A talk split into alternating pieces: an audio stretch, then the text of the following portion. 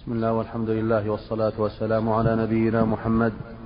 قال الإمام مسلم رحمه الله تعالى حدثني محمد بن حاتم وإبراهيم بن دينار وابن أبي عمر المكي وأحمد بن عبدة الضبي جميعا عن ابن عيينة واللفظ واللفظ لابن حاتم وابن دينار. قال حدثنا سفيان بن عيينة عن عمرو عن طاووس. قال سمعت أبا هريرة رضي الله عنه يقول قال رسول الله صلى الله عليه وسلم احتج آدم وموسى فقال موسى يا آدم أنت أبونا خيبتنا وأخرجتنا من الجنة؟ فقال له آدم أنت موسى اصطفاك الله بكلامه وخط لك بيده أتلومني على أمر قدره الله علي قبل أن يخلقني بأربعين سنة؟ فقال النبي صلى الله عليه وسلم فحج آدم موسى فحج آدم موسى. وفي حديث ابن أبي عمر وابن عبدة قال أحدهما خط وقال الآخر كتب لك التوراة بيده.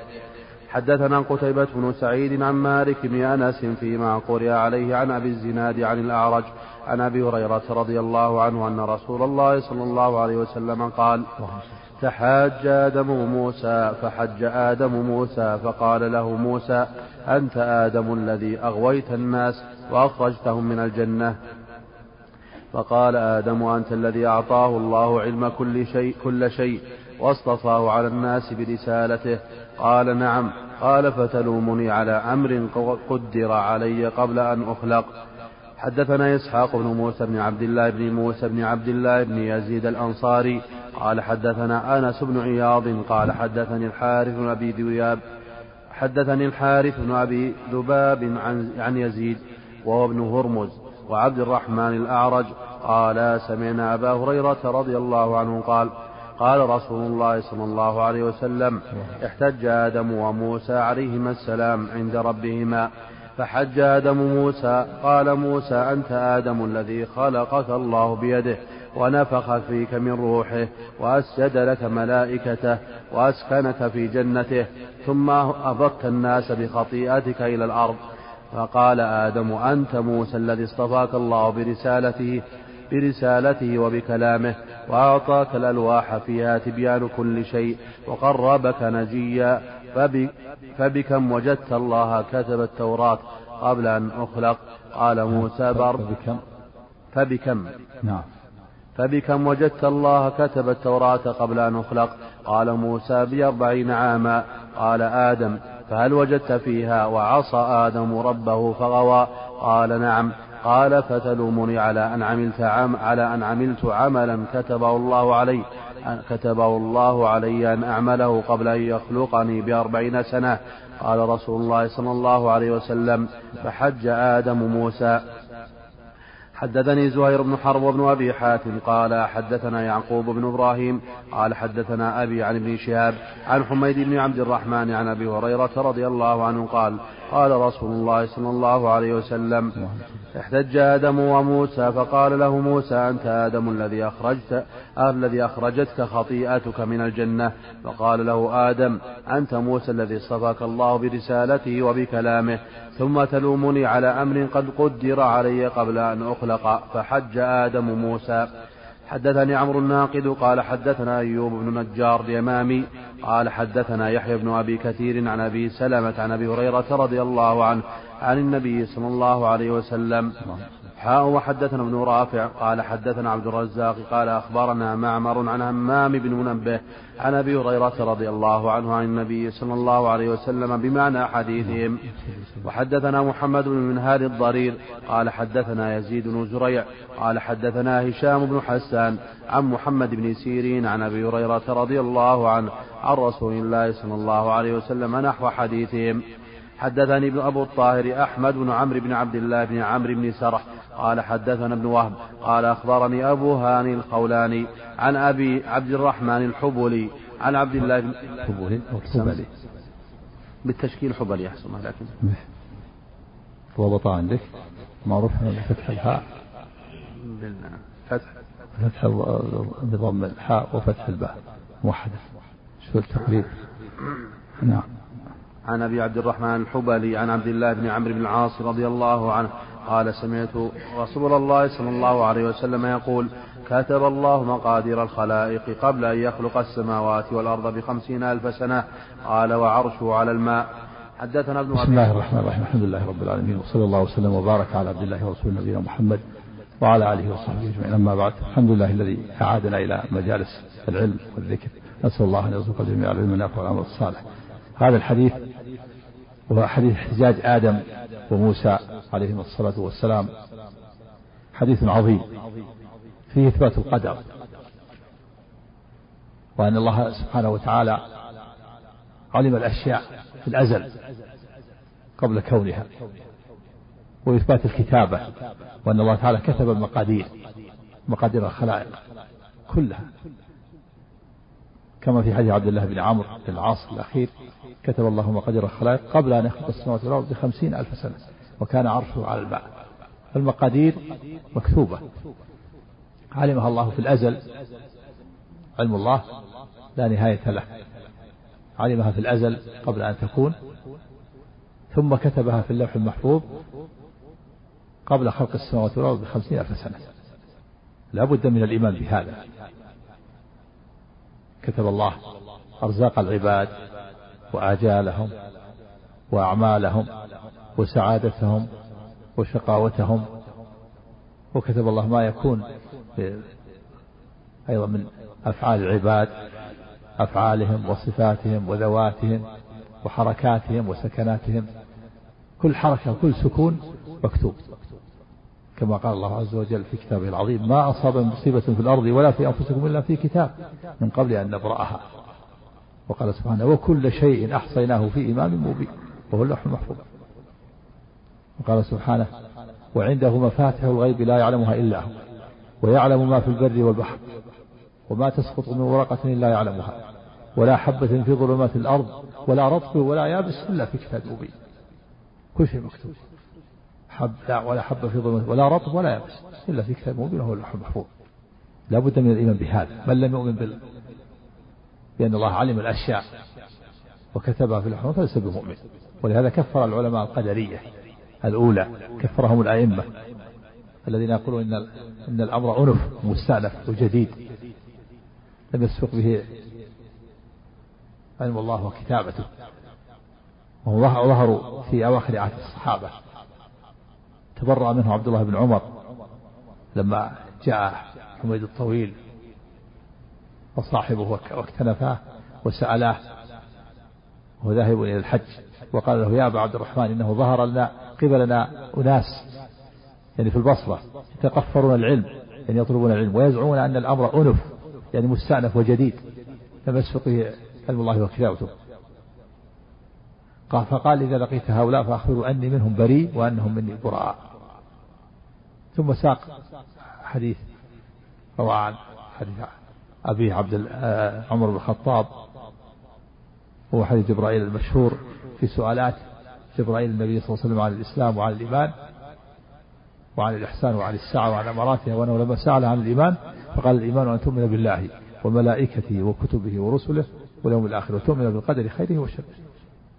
ثم وهاتان مرتبتان العلم مراتب الإيمان بالقدر العلم إثبات العلم الإيمان بأن الله علم الأشياء قبل كونها والثانية الكتابة كتابة الله المقادير والمرتبة الثالثة الإرادة والمشيئة وأن كل شيء في هذا الكون أراد الله وجوده لا يقع في ملك الله ما لا يريد كل شيء أراد الله وله الحكمة البالغة من خير وشر وكفر وإيمان وطاعات ومعاصي ولكن له الحكمة البالغة سبحانه وتعالى. فالكفر والمعاصي أراد الله إيجادها كونا وقدرا لما يترتب على ذلك من الحكم والأسرار فهي مرادة لا لذاتها بل لما يترتب على وجودها من من العبوديات التي يحبها الله. فلولا وجود الكفر والمعاصي لما وجدت العبودية المتنوعة عبودية الجهاد في سبيل الله وعبودية الدعوة إلى الله وعبودية الصبر على الأذى وعبودية الولاء والبراء وعبودية الأمر بالمعروف والنهي عن المنكر. كل هذه العبوديات تترتب على وجود الكفر. والمعاصي. فهي مرادة لما يترتب عليه. والمرتبة الرابعة الخلق والإيجاد. الإيمان بأن الله خلق كل شيء في هذا الوجود. كما قال سبحانه وخلق كل شيء فقدره تقديرا. وفي هذا الحديث إثبات الكتابة لله وأن صفة من الصفات. كما يليق بجلاله. كتب الله مقادير الخلائق. وفي حديث آه، محاجة آدم وموسى وخط لك التوراة بيده. وفي هذا الحديث إثبات فضائل آدم وموسى عليهما الصلاة والسلام. آدم بين لما تحاج آدم وموسى بين موسى فضائل آدم. قال أنت آدم الذي خلقك الله بيده ونفخ فيك من روحه وأسجد لك ملائكته. وفي حديث الشفاعة وعلمك أسماء كل شيء. هذه كلها فضائل يعني. خلقه الله بيده. ليست هذه الفضل لغيره. ونفخ فيه من روحه. وأرسل له ملائكة وعلم ملائكة وعلم أسماء كل شيء. وفي فضائل موسى عليه الصلاة والسلام الذي بينها آدم. قال أنت موسى الذي اصطفاك الله برسالاته وبكلامه وخط لك التوراة بيده. و وعلمك تبيان كل شيء. والمرء علمك تبيان كل شيء يعني كل تبيان كل شيء يحتاج من الأحكام التي يحتاج إليها في التوراة. علمك تبيان كل شيء من الأحكام التي يحتاج إليها في التوراة. وإلا فإن فإن موسى خفي عليه بعض العلم ورحل إلى الخضر يتعلم منه. فقال هل أتبعك على تعلمني مما علمت رشدا؟ فالمراد تبيان كل شيء من الأحكام التي يحتاج إليها في التوراة. وأما قول الله تعالى عن القرآن الكريم ونزلنا عليك الكتاب تبيانا لكل شيء فالمراد تبيان لكل شيء بالإجمال والتفصيل. الإجمال والتفصيل. فما أجمل في القرآن فالصلاة السنة وما لم يذكر في القرآن وذكر في السنة فإن القرآن أمر بالأخذ به. قال تعالى أطيعوا الله وأطيعوا الرسول. قال وما أتاكم الرسول فخذوه وما نهاكم عنه فانتهوا.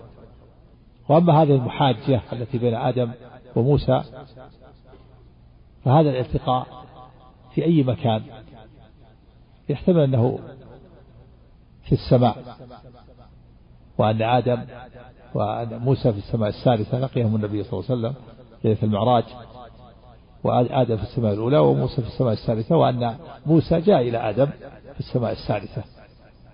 جاء أن أن أن موسى نزل من السماء الثالثة إلى آدم في السماء الأولى وجرت بينهما المحاجة. ومن المعلوم أن الأنبياء دفنوا ماتوا أجسادهم دفنت في الأرض. ولكن لكن أرواحهم تأخذ شكل الأجساد. فالروح تأخذ شكل الجسد. والنبي صلى الله عليه وسلم في المعراج بأرواحهم كما بين ذلك شيخ الإسلام ابن تيمية رحمه الله لأن الأجساد دفنت.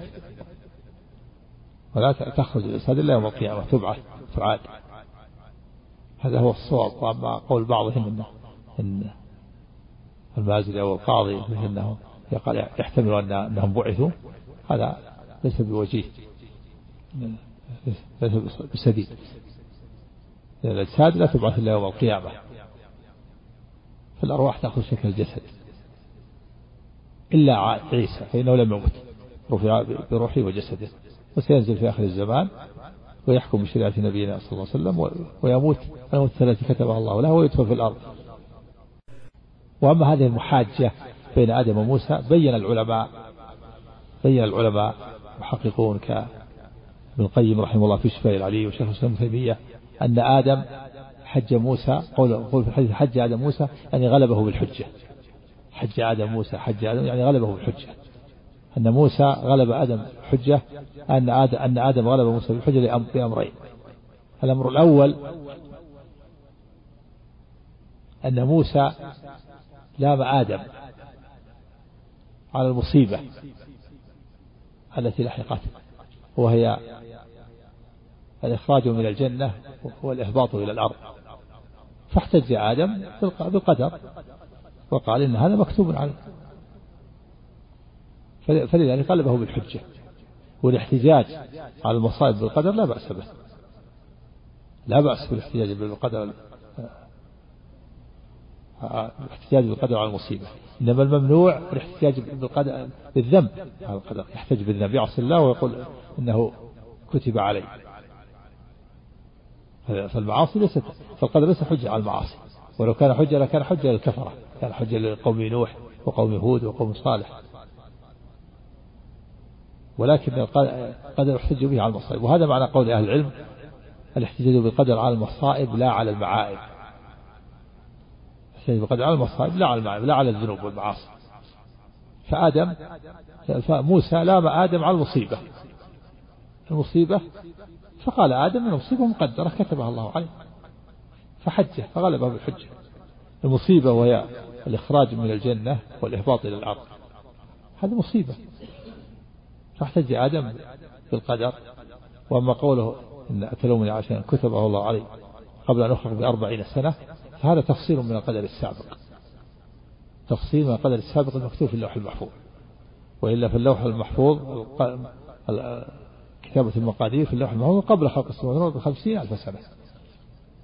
قبل خلق السماوات وهو قبل خلق آدم. أما هذا قدر مفصل.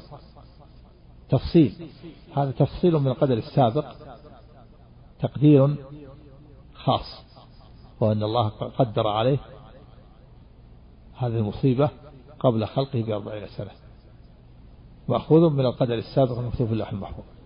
الأمر الثاني أن آدم أن موسى لام آدم على الذنب.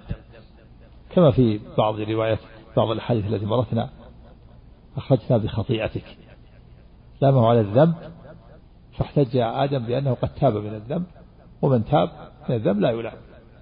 يفتلومني على شيء تبت منه من تاب لا يلام.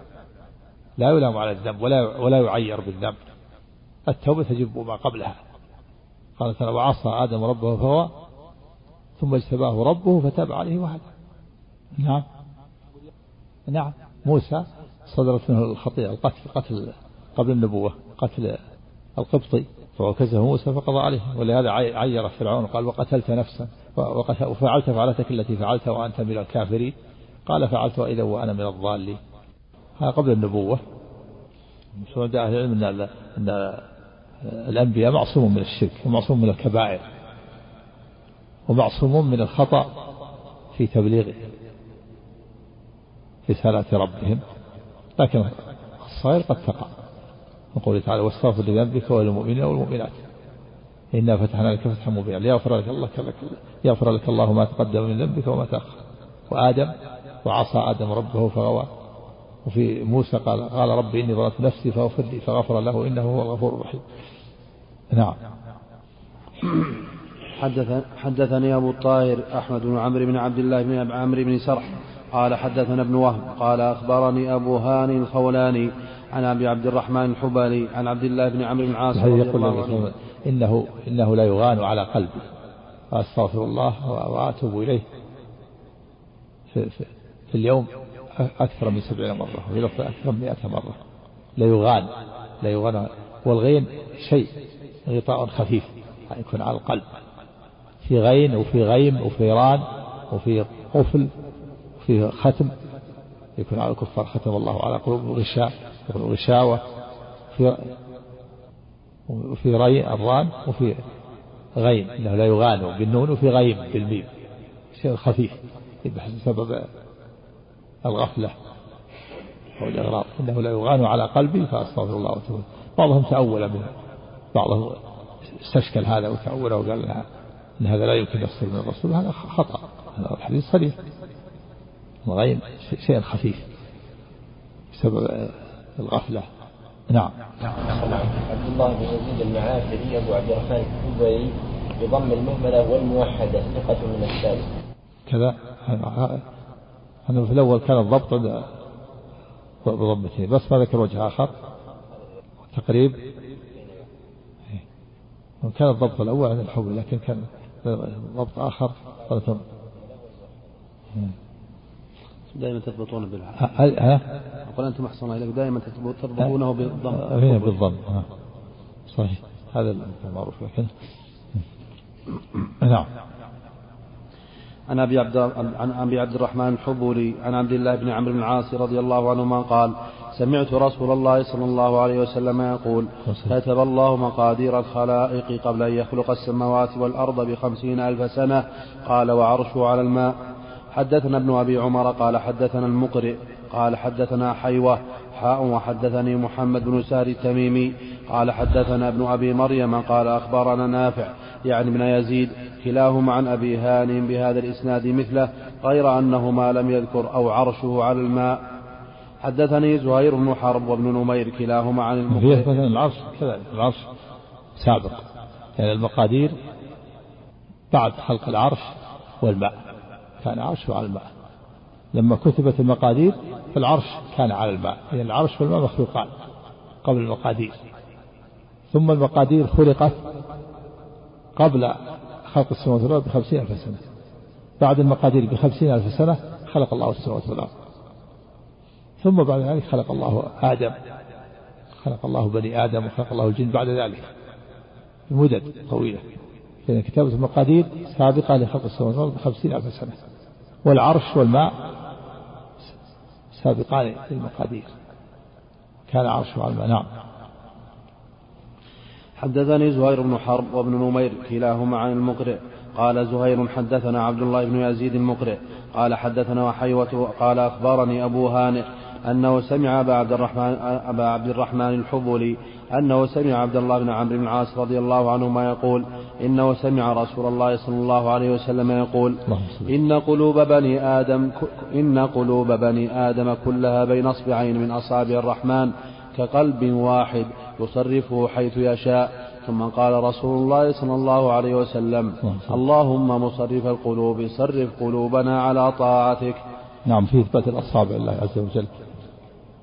صفة النصرات كما يقول بجلاله جاء في الحديث لأخذنا خمسة أصابع لله عز وجل.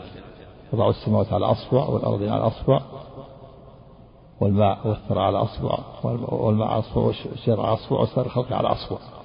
ثم يهزون بيده فيقول أنا الملك. أين ملوك الأرض؟ خمسة أصابع في إثبات الأصابع لله عز وجل؟ وما جاء في بعض الأحاديث الإشارة للأصابع فالمراد به تحقيق الصفة وأن صفة حقيقية وليس المراد التمثيل ما جاء في الحديث الآخر أن النبي صلى الله عليه وسلم لما قرأ إن الله كان سميعا بصيرا أشار إلى عينه وأذنه. والمراد تحقيق الصفة وليس المراد التمثيل. وقولوا بين أصبعين من أصابع الرحمن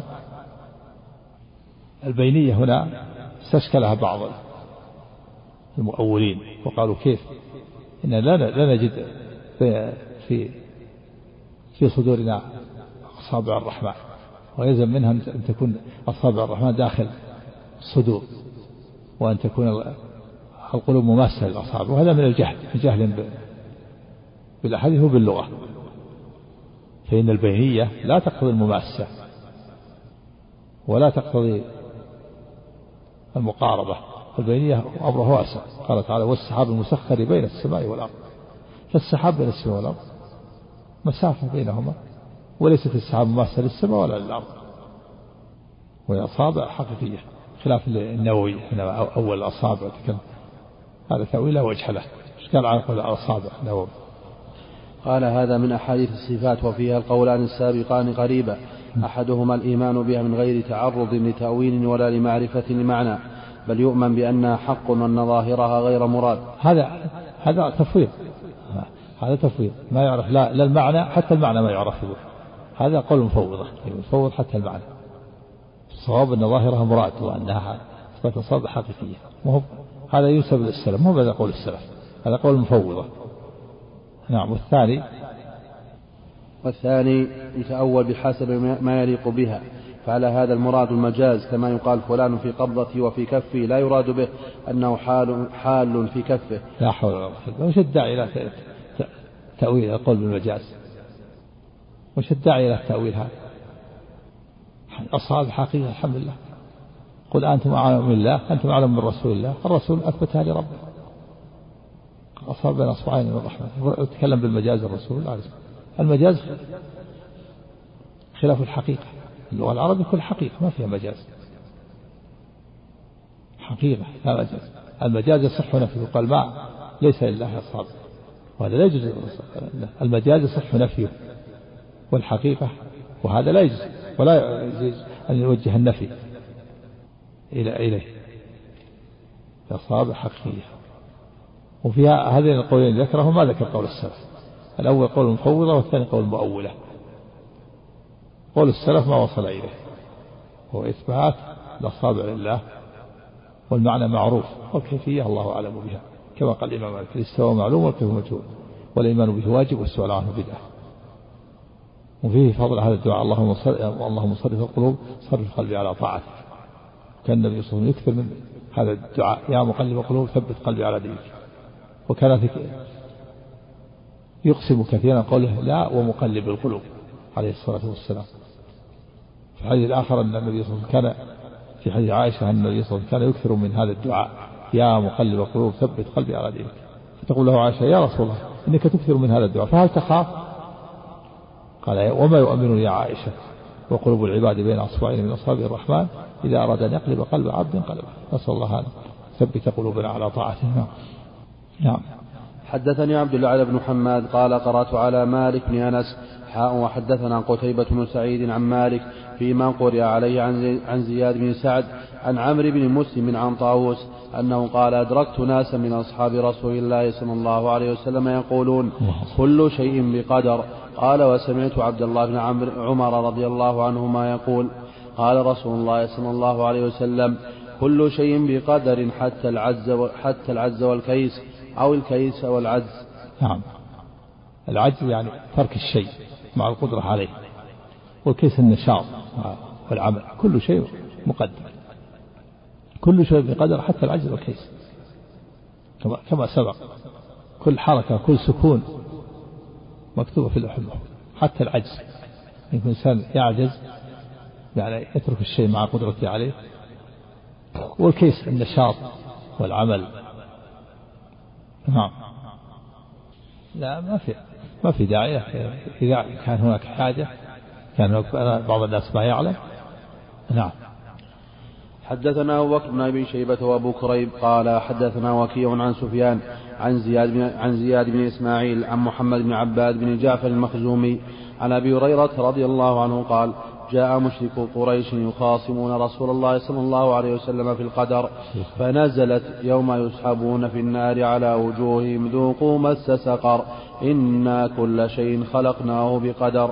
نعم هذه الآية تدل على إثبات القدر. إنا كل شيء خلقناه بقدر. وكل من صيغ العموم.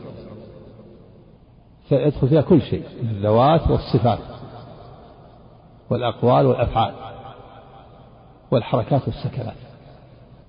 كلها مقدرة ومكتوبة. نعم. حدثنا إسحاق بن إبراهيم وعبد بن حميد واللفظ لإسحاق قال أخبرنا عبد الرزاق قال حدثنا معمر عن ابن طاووس عن أبيه عن ابن عباس رضي الله عنهما قال ما رأيت شيئا أشبه باللمم مما قال أبو هريرة. اللمم باللمم بالكسرة. ضبط عندك؟ الآية اللمم إلا اللمم يمكن يحتمل فيها الوجهان ما تكلم عليه الشارح؟ ها؟ هذا على الآية. هذا كوجه ثاني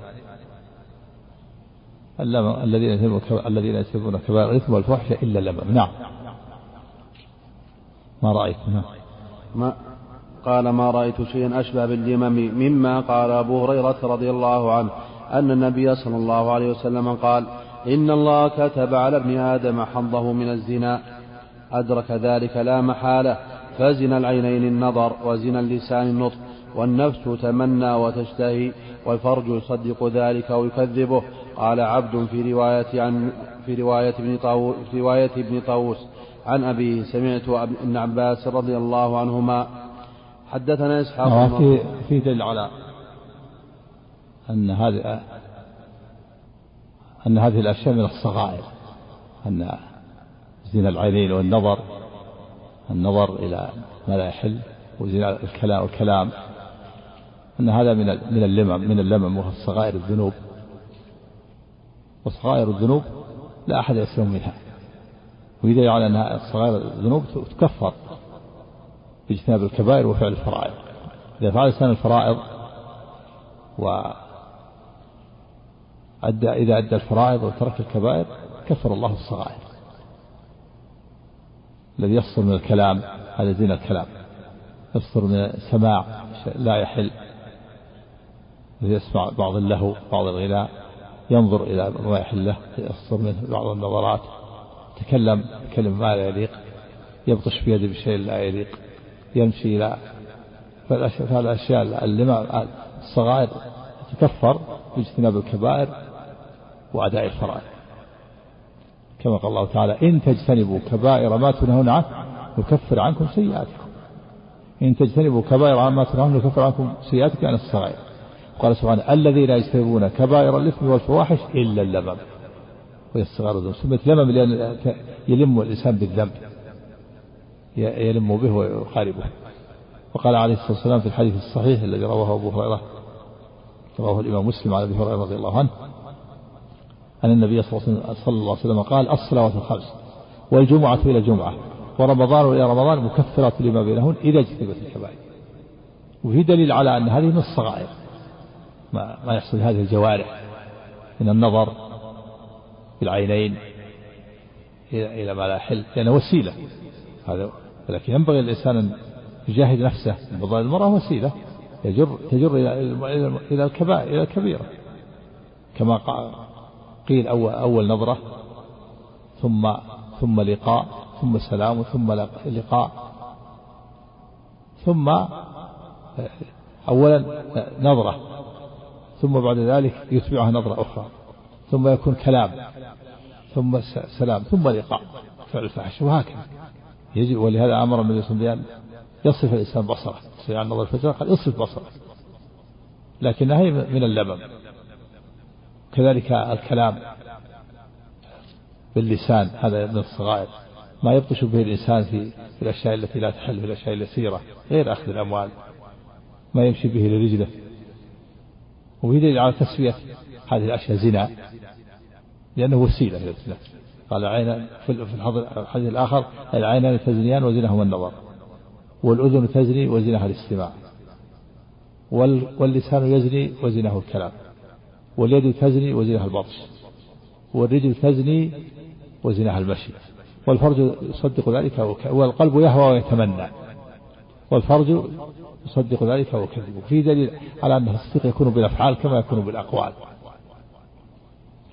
لا التصديق ولذا قال والفرج يصدق ذلك ويكذب التصديق يكون بالأقوال والأفعال. قال تعالى يا أيها الذين آمنوا اتقوا الله وكونوا مع الصادقين. في الأقوال والأفعال والاعتقاد والاعتقادات. فالمؤمن صادق في اعتقاده في ربه والمنافق كاذب. كاذب في اعتقاده يدعي الإيمان وهو كاذب. قال الله تعالى ومن الناس من يقول آمنا بالله وباليوم الآخر وما هم بمؤمنون. قال سبحانه إذا جاءك المنافقون قالوا نشهد إنك لرسول الله. والله يعلم إنك لرسوله والله يشهد إن المنافقين لكاذبون. فالصدق والكذب يكون في الأقوال وفي الأفعال. يكون في الأقوال وفي الأفعال وفي الاعتقادات. يكون صادق في عقيدته ويكون كاذب. فالمؤمن صادق في اعتقاده في ربه والمنافق كاذب. ويكون الصدق في الأفعال ويكون في الأقوال في البيع وفي الشراء. وفي الحديث المؤمنان البيعان بالخيار ما لم يتفرقا فإن صدقا وبينا بورك لهما في بيعهما. وإن كتما وكذبا محقت بركة بيعهما. يكون في البيع والشراء. يصدق الصادق يبين السلعة ولا يخفي عيوبها وينصح المشتري والكاذب يخفي السلعة ويدلس ويخون. نعم. حدثنا إسحاق بن منصور قال أخبرنا أبو هشام المخزومي قال حدثنا وهيب قال حدثنا سهيل بن أبي صالح عن أبي عن أبي هريرة رضي الله عنه عن النبي صلى الله عليه وسلم قال كتب على ابن آدم نصيبه من الزنا. مدرك ذلك لا محالة. فالعينان زناهما النظر والأذنان زناهما الاستماع واللسان زناه الكلام واليد زناها البطش والرجل زناها الخطى والقلب يهوى ويتمنى ويصدق ذلك الفرج ويكذبه. نعم. فيه إثبات كتابة كتب كتابة القدر وفيه أنه قول مدرك ذلك لا محالة أنها أن الإنسان لا يسلم من الصغائر. من يسلم من الصغائر؟ لا أحد يسلم ولكن فضل الله تعالى وإحسانه أن الصغائر تكفر باجتناب الكبائر وأداء الفرائض. اجتناب الإنسان الكبائر التي توعد عليه بالنار واللعنة والغضب وما وجب في حده في الدنيا وما نفع عن صاحب الإيمان. من وأدى الفرائض كفر الله الصغائر. فضل من الله تعالى وإحسانه نعم. حدثنا حاجب بن وليد قال حدثنا محمد بن حرب عن الزبيدي عن الزهري قال أخبرنا سعيد مسيب عن أبي هريرة رضي الله عنه أنه كان يقول قال رسول الله صلى الله عليه وسلم ما من مولود إلا يولد على الفطرة فأبواه يهودانه وينصرانه ويمجسانه كما تنتج البهيمة بهيمة جمعاء. هل تحسون فيها من جدعاء؟ ثم يقول أبو هريرة واقرأوا إن شئتم فطرة الله التي فطر الناس عليها لا تبديل لخلق الله. الآية. نعم. وفيه في النساء مولود على الفطرة. ما مولود على الفطرة. والمولود بالفطرة الإسلام والدين والملة. وميل الإنسان إلى الخير. الفطرة الإسلام والدين والملة ومعرفة الله والإقرار به والميل إلى الخير. ثم جاءت الشرع بعد ذلك بالتفاصيل تفاصيل ما يجب الإخلاص فيه لله. في تفاصيل الواجبات والمحرمات. تفاصيل الحلال والحرام. جاءت الشرع بذلك. واصح ما ورد في ذلك. من كون الإنسان الفطرة هي الدين والإسلام والملة. الحديث القدسي الذي رواه الإمام أحمد رحمه الله وغيره أن النبي صلى الله عليه وسلم أن أن النبي صلى الله عليه وسلم قال فيما يرويه عن ربه عز وجل أنه قال إني خلقت عبادي حنفاء فاجتالتهم الشياطين عن فطرتهم وحرمت عليهم ما أحللت لهم. إني خلقت عبادي حنفاء. هذا حنيف. وليس معنى ذلك أنه يعرف تفاصيل الشريعة لا. بل هو مفطور على الخير. وعلى معرفة الله والإقرار به وحب الخير والميل إليه وقبوله. إني خلقت عبادي حنفاء فاجتلتهم الشيطان عن دينهم وحرمت عليهم ما أحدثوا لهم. وفي هذا الحديث ما من ولد إلا يولد على الفطرة وفي لفظ إلا يولد على هذه الملة. إلا في لفظ إلا وهو يولد إلا ويولد إلا وهو يولد على الملة وفي لفظ إلا على هذه الملة. حتى يعرب عنه لسانه حتى يعبر عنه لسانه. قل فأبواه يهودانه وينصرانه ويمجسانه. في الرواية الأخرى التي تذكرها ويشركانه. يعني ينقلانه إلى اليهودية والنصرانية والمجوسية والشرك. كما تنتج البهيمة بهيمة تنتج على صيغة المبني المجهول وهي مبني المفعول. في ألفاظ معدودة تنتج وتزهى ويهرعون. كلها جاءت على لفظ المبني المجهول وهي مبني المعلوم. كما تنتج البهيمة بهيمة جمعاء. جمعاء يعني مجتمعة على الأطراف. كما تنتج البهيمة بهيمة جمعاء مجتمعة الأطراف. إلا أنكم تجدعونه. يعني تولد البهيمة حواسها وأطرافها كاملة ثم يأتيها بعد ذلك الجدع. يقطع الأذن بعض الناس يقطع شيئا من أعضائها يأتيها الجدع بعد ذلك. فكما تنتج البهيمة بهيمة جمعاء مجتمعة الحواس والأطراف ليس فيها شيء ثم يحصل بها الجدع. فكذلك الإنسان يولد على الفطرة وعلى الدين وعلى الملة ثم يأتيه التغيير بعد ذلك. تغييرات تأتيه. البهيمة تولد سليمة. فيها لها أذنين ولها قرون ولها يد ولها ثم بعد ذلك يأتيها الجدع. بعض الناس يكسر القرض بعض الناس يقطع الأذن. فيأتيها الجد. كما تنتج البهيمة بهيمة جمعة وفي الأخرى هل تحسون منها من جدعة إلا أنكم تجدعونه فكذلك الإنسان يولد على الملة وعلى الدين وعلى الإسلام ثم بعد ذلك يأتيه التغيير. فأبواه يهودانه أو نصرانه أو مجسانه أو يشركانه نعم. الوسم لا بأس به. لا الوسم الوسم لا يكون بجذع الأذن قد يكون بالخرق. خرق الأذن. لكن الأولى أن يكون وسم بأن تحمى الحديدة بالنار ثم يوضع على الأذن وعلى الظهر يكون خط أو خطين أو مدور على حسب وسم القبيلة. هذا فيه تعذيب من النار لكن مستثنى ما فيه من المصلحة. قد يكون مثل بعضهم يشق الأذن بعض القبائل يجعل وسم شق الأذن أو خرق في الأذن. هذا يعني فالولي فالبهيمة تولد بهيمة جماعة إلا لأن يحصل فيها الجدع قد يكون للوسم أو لغير الوسم. قد يخرق الأذن أو يشق الأذن للوسم. هذا حصل له بعد ولادته لكن هي ولدت سليمة. فكذلك الإنسان يولد سليم على الفطرة ثم يأتي التغيير بعد ذلك. نعم. حدثنا أبو بكر بن أبي شيبة قال حدثنا عبد الأعلى حاء وحدثنا عبد بن حميد. قال أخبرنا عبد الرزاق كلاهما عن معمر عن الزهري بهذا الإسناد وقال كما تنتج البهيمة بهيمة ولم يذكر جمعاء. حدثني أبو الطاهر وأحمد بن عيسى قال حدثنا ابن وهب قال أخبرني يونس بن يزيد عن ابن شهاب أنه أن أبا سلمة بن عبد الرحمن بن عبد الرحمن أخبره أن أبا هريرة رضي الله عنه قال قال رسول الله صلى الله عليه وسلم ما من مولود إلا يولد على الفطرة ثم يقول اقرأوا فطرة الله التي فطر الناس عليها لا تبديل لخلق الله ذلك الدين القيم. حدثنا زهير بن حرب قال حدثنا جرير عن الأعمش عن أبي صالح عن أبي هريرة رضي الله عنه قال قال رسول الله صلى الله عليه وسلم ما من مولود إلا إلا يلد يولد على الفطرة. نعم.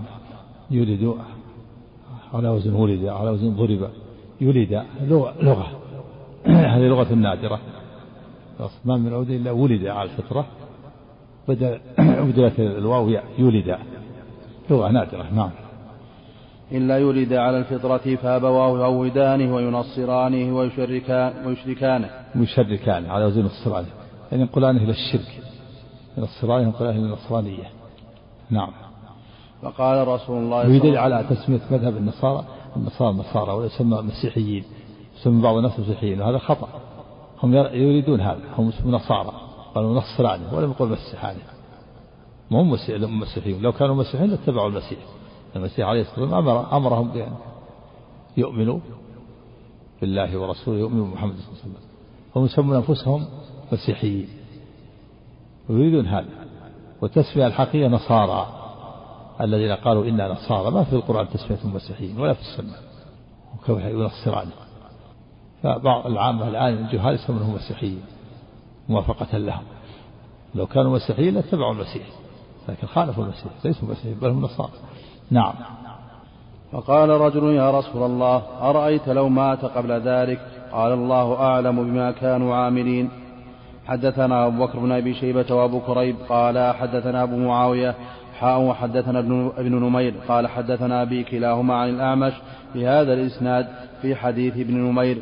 ما من مولود يولد إلا هو وهو على الملة وفي رواية أبي بكر عن أبي معاوية إلا على هذه الملة. حتى يبين عنه حتى يبين عنه لسانه. حتى يبين. حتى يبين عنه لسانه. في اللفظ الآخر حتى يعرب عنه لسانه. نعم. وفي رواية أبي كريب عن أبي معاوية ليس من مولود يولد إلا على هذه الفطرة حتى يعبر عنه لسانه. حدثنا محمد بن رافع قال حدثنا عبد الرزاق قال حدثنا معمر عن همام بن منبه قال هذا ما حدثنا أبو هريرة رضي الله عنه عن رسول الله صلى الله عليه وسلم. فذكر أحاديث منها وقال رسول الله صلى الله عليه وسلم ما من ما فقال رسول الله صلى الله عليه وسلم من يولد يولد على هذه الفطرة فأبواه يهودانه وينصرانه. كما تنتجون الإبل, الإبل هل تجدون فيها جدعا حتى تكونوا أنتم تجدعونها. قالوا يا رسول الله أفرأيت من يموت صغيرا؟ قال الله أعلم بما كانوا عاملين. ضبط تنتجون عندك؟ ها؟ تنتجون ضبطها عندك؟ ما ذكر يحتمل أن تنتجون مثل تنتج ويحتمل أنها لما لحقتها الواو الجماعة أنها تكون بمبني المفعول ها؟ ذكرها عندك؟ شو قال؟ ضبطها؟ قال مبني للفاعل؟ يعني كما تنتجون. نعم. ها أه؟ الشكل؟ لا الشكل ما عليه معول نعم. المهم بالحروف. نعم. حدثنا قتيبة بن سعيد قال حدثنا عبد العزيز يعني الدراوردي عن العلاء عن أبيه عن أبي هريرة رضي الله عنه أن رسول الله صلى الله عليه وسلم قال كل إنسان تلده أمه على الفطرة وأبواه بعد يهودانه وينصرانه ويمجسانه فإن كانا مسلمين فمسلم فمسلم. كل إنسان تلده أمه يلكزه الشيطان في حضنيه. في حضنيه. في حضنيه إلا مريم وابنها. وهذه منقبة لمريم وابنها وعيسى منقبة لعيسى وأمه وأن كل شيطان يلكزه الشيطان في في حضنيه. في اللفظ الآخر أن الشيطان ما من أحد إلا إلا يطعنه في الشيطان. إلا مرض ابنها فإنه ذهب يطعن فطعن في الحجاب. إلا عيسى فإنه يذهب ذهب يطعن فطعن في الحجاب. الحجاب يعني الغشاء اللي بين بين اللي يكون على الولد. هذه منقبة لعيسى ومريم. نعم. حدثنا قتيبة حدثنا أبو الطاهر قال أخبرنا ابن وهب قال أخبرني ابن أبي ذئب ويونس عن ابن شهاب عن عطاء بن يزيد عن أبي هريرة رضي الله عنه أن رسول الله صلى الله عليه وسلم سئل عن أولاد المشركين فقال الله أعلم بما كانوا عاملين.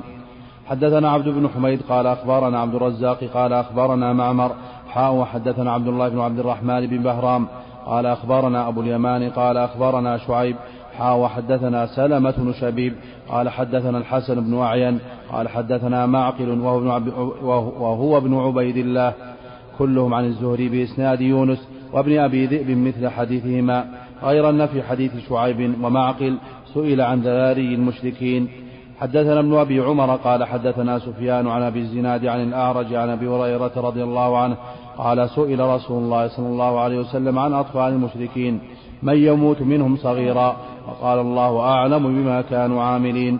حدثنا يحيى بن يحيى قال أخبرنا أبو, أبو عوانة عن أبي بشر عن سعيد بن جبير عن ابن عباس رضي الله عنهما قال سئل رسول الله صلى الله عليه وسلم عن أطفال المشركين. قال الله أعلم بما كانوا عاملين إذ خلقهم. حدثنا عبد الله بن مسلمة بن قعنب قال حدثنا معتمر بن سليمان عن أبي عن رقبة بن مسقلة عن أبي إسحاق عن سعيد بن جبير عن ابن عباس. الرقبة نعم. الرقبة عن رقبة عن رقبة ابن مسقلة نعم. ابن مسقلة. عن أبي إسحاق عن, عن سعيد بن جبير عن ابن عباس رضي الله عنهما. عن أبي عن أبي بن كعب رضي الله عنه قال قال رسول الله صلى الله عليه وسلم إن الغلام الذي قتله الخضر طبع كافرا ولو عاش لأرهق أبويه طغيانا وكفرا. حدثني زهير بن حرب قال حدثنا جرير عن العلاء بن المسيب وهذا من علم الغيب الذي أطلعه الله على الخضر وهذا دليل على أن الخضر نبي. وإن كان قول الأكثرين أنه عبد صالح وأنه ملهم الصواب أنه نبي. طبع يوم طبع كافرا. وهذا هذه الحديث فيها دليل على أن على أن الأطفال مولودون على الفطرة وأنهم إذا ماتوا قبل اليوم فهم في الجنة. أما أولاد المسلمين فبالاتفاق. نقل غير واحد الإجماع على أن أطفال المسلمين إذا ماتوا قبل اليوم فهم في الجنة تبع لآبائهم. قال تعالى والذين آمنوا واتبعتهم ذريتهم بإيمان ألحقنا بهم ذريتهم. قال بعضهم نقل هذا الإجماع. ونقل القاضي قال إن هذا قول الجمهور هناك من خالف لكن الصواب أنهم في الجنة. وأما أولاد المشركين ففيهم خلاف. فيه ثمانية أقوال. ذكر النووي ثلاثة أقوال والصواب أنهم ثمانية. ثمانية أقوال ذكرها الحافظ بن حجر في في كتاب الجنائز على أولاد ترجمة أولاد المشركين وذكرها العلامة ابن القيم في طريق كتاب طريق الهجرتين في طبقات المكلفين. ثمان أقوال أرجحها قولان القول الأول أنه في الجنة وهذا هو الصواب في هذه الأحاديث. لأنهم غير مكلفين ولأنهم مولودين على الفطرة ولما ثبت في الحديث الصحيح في البخاري في قصة رؤيا النبي صلى الله عليه وسلم أنه رأى أباه إبراهيم قال وحوله أولاد الناس. قيل وأولاد قيل يا رسول الله وأولاد المشركين. قيل يا رسول الله وأولاد المشركين؟ قال وأولاد المشركين. دل على أنهم في الجنة. والقول الثاني أنهم يمتحنون. يمتحنون كأهل الفترات. ومن مات ومن آه ومن بلغ معتوها لم تبلغه الدعوة. ومن خرف ولم تبلغه الدعوة. كل هؤلاء يمتحنون. ومن أدلة ذلك قول الله تعالى وما كنا معذبين حتى نبعث رسولا. وهناك أقوال أخرى. بعضهم قال أنه خدموا الجنة والصواب قول الأول أنه في الجنة. وما قال الله أعلم بما كانوا عالمين عاملين يعني الله أعلم بما كانوا عاملين لو لو عاشوا. وبلغوا. الله عالم بحالهم لأنه يعلم سبحانه وتعالى ما كان في الماضي ويعلم ما يكون في المستقبل ويعلم ما لم يكن لو كان كيف يكون. هذا مثل قول الله تعالى ولو علم الله فيهم خيرا لأسمعهم ولو أسمعهم لتولوا وهم معرضون. يعلم ما ما يكون لو كان ما لم يكن لو كان كيف يكون. مثل قوله تعالى عن المنافقين لو خرجوا فيكم ما زادوكم إلا خبالا. هم ما خرجوا لكن الله علم حالهم لو خرجوا. لو لو خرجوا ماذا يعملون؟ يعلم ما لم يكن لو كان كيف يكون. هذا كذلك الله أعلم وكانوا عاملين يعني لو عاشوا. نعم. حدثني زهير بن حرب قال حدثنا جرير عن علاء بن مسيب عن فضيل بن عمرو عن عائشة بنت طلحة عن عائشة أم المؤمنين رضي الله عنها قالت توفي صبي فقلت طوبى له عصفور من عصافير الجنة. فقال رسول الله صلى الله عليه وسلم أولا تدرين أن الله خلق الجنة وخلق النار فخلق لهذه أهلا ولهذه أهلا. حدثنا أبو بكر بن أبي شيبة قال حدثنا وكيع عن طلحة بن يحيى عن عمته عائشة بنت طلحة عن عائشة أم المؤمنين رضي الله عنها قالت دعي رسول الله صلى الله عليه وسلم إلى جنازة صبي من الأنصار فقلت يا رسول الله طوبى لهذا عصفور, لهذا عصفور من عصافير الجنة لم يعمل السوء ولم يدرك. قال أو غير ذلك يا عائشة؟ أو غير ذلك. أو غير ذلك يا عائشة. قال وغير ذلك يا عائشة إن الله خلق للجنة أهلا خلقهم لها وهم في أصلاب آبائهم وخلق للنار أهلا خلقهم لها وهم في أصلاب آبائهم. هذا فيه, فيه, نهي عائشة لأنها شهدت له بعينه بالخصوص والإنسان منهي عن يشهد شخص بعينه بالخصوص. ولذلك نهى لما قال صوب العصر من عصر الجنة شهدت له بعينه بالخصوص. مثل أم السائب لما توفي عثمان بن مظلوم قالت رحمة الله عليك يا أبا السائب.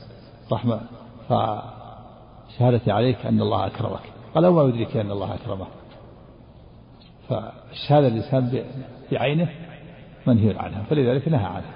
وفي إثبات القضاء والقدر وإثبات أهل الجنة وأهل النار وإثبات السعادة والشقاوة وأن أهل الجنة خلقوا الجنة وهم في أصلاب آبائهم وأهل النار كذلك.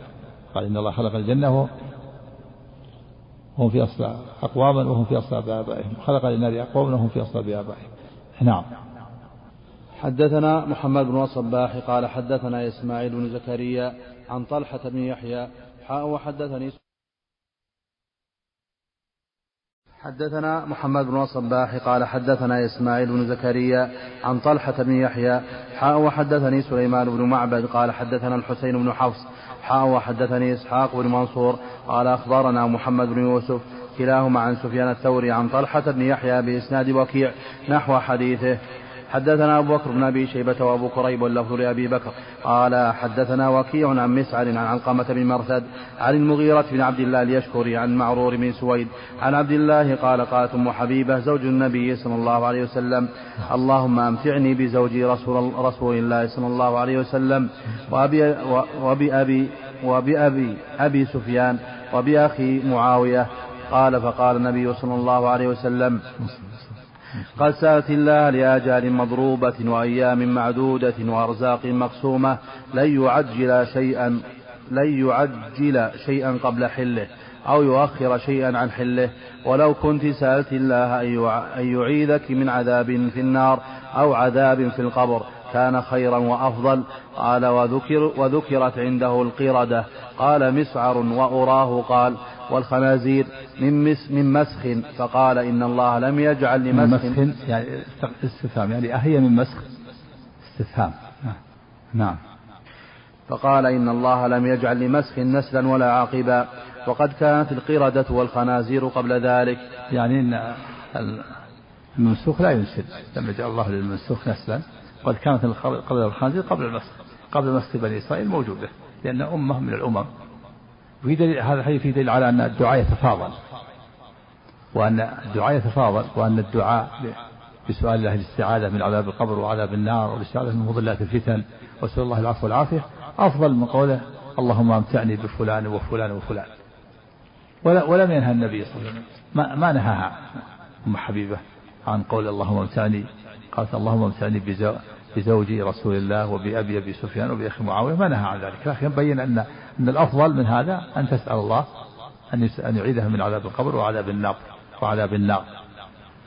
وفيه إثبات القدر. قال قد سألت الله لأجال لأجل مضروبة وأيام معدودة وارزق مقصودة لن يؤخر شيئا قبل حله ولن يعجل شيئا قبل حله. كل شيء مقدر. الأرزاق الأجال محددة. أيامها ما تزيد ولا تنقص. وكذلك الأرزاق. ما في شيء يعجل ولا يقدر ولا يقدم قال الله تعالى ولن يؤخر الله نفسا إذا جاء أجلها. قال اللهم امتعني بزوج رسول الله. قال مقدر الموت مقدر ما يتقدم ولا يتأخر. وفاة زوجك وأبيك وأخيك مقدر. لو سألت الله شيء أفضل أحسن من هذا. أسأل الله أن يعيدك من عذاب القبر وعذاب النار. وهذا من تقول من قولك اللهم امتعني بزوج رسول الله. يعني هذا مقدر. مدة المتعة مدة حياته. والحياة مقدرة. وكذلك أمتعني بأبي أبي سليم مدة حياة مقدرة. وكذلك أخي معاوية مقدر الأجال مضروبة والأيام معدودة والأرزاق مقسومة. لكن أفضل من هذا أن تسأل الله الاستعاذة من عذاب القبر وعذاب النار وعذاب النار. وسؤال العفو والعافية. فدل هذا على أن الدعاء يتفاضل. نعم. ها؟ الدعاء لأنه عبادة. سؤال العفو والعافية والاستعاذة من النار. لأنه عبادة عبادة يتعبد الإنسان بها لله. قال ربكم ادعوني أستجب لكم. يثيبه الله حسنة يغفر عنه سيئات. نعم. يعني يجعل يتمتع يعني يبقى مدة يتمتع به. لا يعني يبقى يبقى مدة يبقى مدة تتمتع به ببقائه في الحياة قال الحياة مقدمة. نعم. حدثنا وابو كريب قال حدثنا ابن بشر عن مسعر بهذا الإسناد يعني يبقى لا يتوفى يعني قبلها تتمتع به نعم حدثنا وابو أبو كريب قال حدثنا ابن بشر عن مسعر بهذا الإسناد غير أن في حديثه عن ابن بشر ووكيع جميعا من عذاب في النار وعذاب في القبر. حدثنا إسحاق بن إبراهيم الحنظلي وحجاج بن الشاعر واللفظ لحجاج. قال إسحاق أخبرنا وقال حجاج حدثنا عبد الرزاق. قال أخبرنا الثوري عن علقامة بن مرثد عن المغيرة بن عبد الله ليشكري عن معرور بن سويد عن عبد الله بن مسعود رضي الله عنه قال قالت أم حبيبة رضي الله عنها اللهم متعني بزوجي رسول الله صلى الله عليه وسلم وبأبي أبي سفيان وبأخي معاوية. فقال لها رسول الله صلى الله عليه وسلم إنك سألت الله لآجال مضروبة وآثار موطوءة وأرزاق مقسومة. لا يعجل شيئا منها قبل حله ولا يؤخر منها شيئا بعد حله. قال حله وحله في الوجه. نعم. ولو سألت الله يعافيك من عذاب في النار وعذاب في القبر لكان خيرا لك. قال فقال رجل يا رسول الله القردة والخنازير هي مما مسخ. فقال النبي صلى الله عليه وسلم إن الله عز وجل لم يهلك قوما أو يعذب قوما فيجعل لهم نسلا. وإن القردة والخنازير كانوا قبل ذلك. يعني أن المنسوخ لا ينسل. مسخ الله بني إسرائيل قردة وخنازير لما عصوا الله وتجرأوا على محارمه واصطادوا في السبت. قال الله تعالى قلنا لهم كونوا قردة وخنازير. فالممسوخ لا ينسب ليس الممسوخ نسل ما يتوالدون. مسخوا قيل إنهم مسخوا ثلاثة أيام ثم ماتوا. وأما القردة والخنازير الموجودة هذه حيوانات أمة من الأمم. فالقردة أمة والخنازير أمة والكلاب أمة والقطط أمة. قال الله تعالى وما من دابة في الأرض ولا طائر يطير بجناحيه إلا أمم أمثالكم فهذه القردة والخنازير ليست من مسخ بني إسرائيل. بنو إسرائيل الذين مسخوا القردة والخنازير لم ينسلوا. الممسوخ لا ينسل ولا يعقب بل يموت. ليس له نسل ولا عقب. وإنما هذه القردة والخنازير أمة. أمة كانت قبل قبل مسخ بني إسرائيل قبل أن يمسخ نعم. حدثني أبو داود سليمان بن معبد قال حدثنا الحسين بن حفص قال حدثنا سفيان بهذا الإسناد غير أنه قال وآثار مبلوغة. قال ابن معبد وروى بعضهم قبل حله أي نزوله. حدثنا أبو بكر بن أبي شيبة وابن نمير قال حدثنا عبد الله بن إدريس عن ربيعة بن عثمان عن محمد بن يحيى بن حبان عن الأعرج عن أبي هريرة رضي الله عنه قال قال رسول الله صلى الله عليه وسلم المؤمن القوي خير وأحب إلى الله. نعم. آه، إذا اجتمع يكون بينهم فرق وإذا أطلق أحدهم دخل فيه الآخر. القضاء يطلق على أمور ويطلق على الفراغ فقضاهن سبع سماوات يطلق على الأمر وقضى ربك لا تعبدوا إليه والقدر يطلق على أمر إذا اجتمع كل لكل واحد صار معنا وإذا أفرد أحدهما دخل فيه الآخر. نعم. مثل الفقير والمسكين. نعم. البينية واسعة كما كما يليق بجلال الله وعظمته. لا يزال منها المماسة و أهل البدع يقول ما ما نجد في صدورنا أصابع الرحمن. هذا من جهلهم. نعم. حدثنا أبو بكر بن أبي شيبة وابن نمير قال حدثنا عبد الله بن إدريس عن ربيعة بن عثمان عن محمد بن يحيى بن حبان عن الأعرج عن أبي هريرة رضي الله عنه قال قال رسول الله صلى الله عليه وسلم المؤمن القوي خير وأحب إلى الله من المؤمن الضعيف وفي كل خير. احرص على ما ينفعك واستعن بالله ولا تعجز. وإن أصابك شيء فلا تقل لو أني فعلت كان كذا وكذا. ولكن, ولكن قل قدر الله وما شاء فعل. فإن له تفتح عمل الشيطان. كتاب العلم. بسم الله الرحمن الرحيم. الحمد لله رب العالمين. والصلاة والسلام على أشرف الأنبياء والمرسلين نبينا محمد وعلى آله وصحبه أجمعين. أما بعد فهذا الحديث حديث عظيم في بيان خيرية المؤمن القوي وفضله وأنه أحب إلى الله من المؤمن الضعيف. مع اشتراكهما في الخيرية. فالمؤمن القوي أحب إلى الله من المؤمن الضعيف فيه إثبات المحبة لله عز وجل. كما يقول جلاله وعظمته والرد على من أنكرها من الأشاعرة والمعتزلة وغيرهم. أو تأولها بالإرادة أو أو بالثواب. والمؤمن القوي المراد به القوي في الإيمان ليس القوة في الجسم. لأن القوة في الجسم قد تكون خيرا. كما يقول تعالى وزاده بسطة في العلم والجسم وقد تكون شرا. فالمؤمن القوي هو الذي تعدى نفعه إلى الآخرين. تعدى نفعه ينفع الناس بماله أو بجاهه وشفاعته وتوجيهه وإرشاده أو ببدنه. والمؤمن الضعيف هو الذي يقتصر نفعه على نفسه. فالمؤمن القوي خير وأحب إلى الله من المؤمن الضعيف وفي كل خير. اشتراكهما في الإيمان والخيرية. وفي الحديث الأمر بفعل الأسباب النافعة والحرص عليها والاستعانة بالله في فعلها. الحرص على ما ينفعك واستعين بالله. حث على فعل الأسباب النافعة والحرص عليها والاستعانة بالله. وفيه النهي عن العجز. والعجز هو ترك الشيء مع القدرة عليه.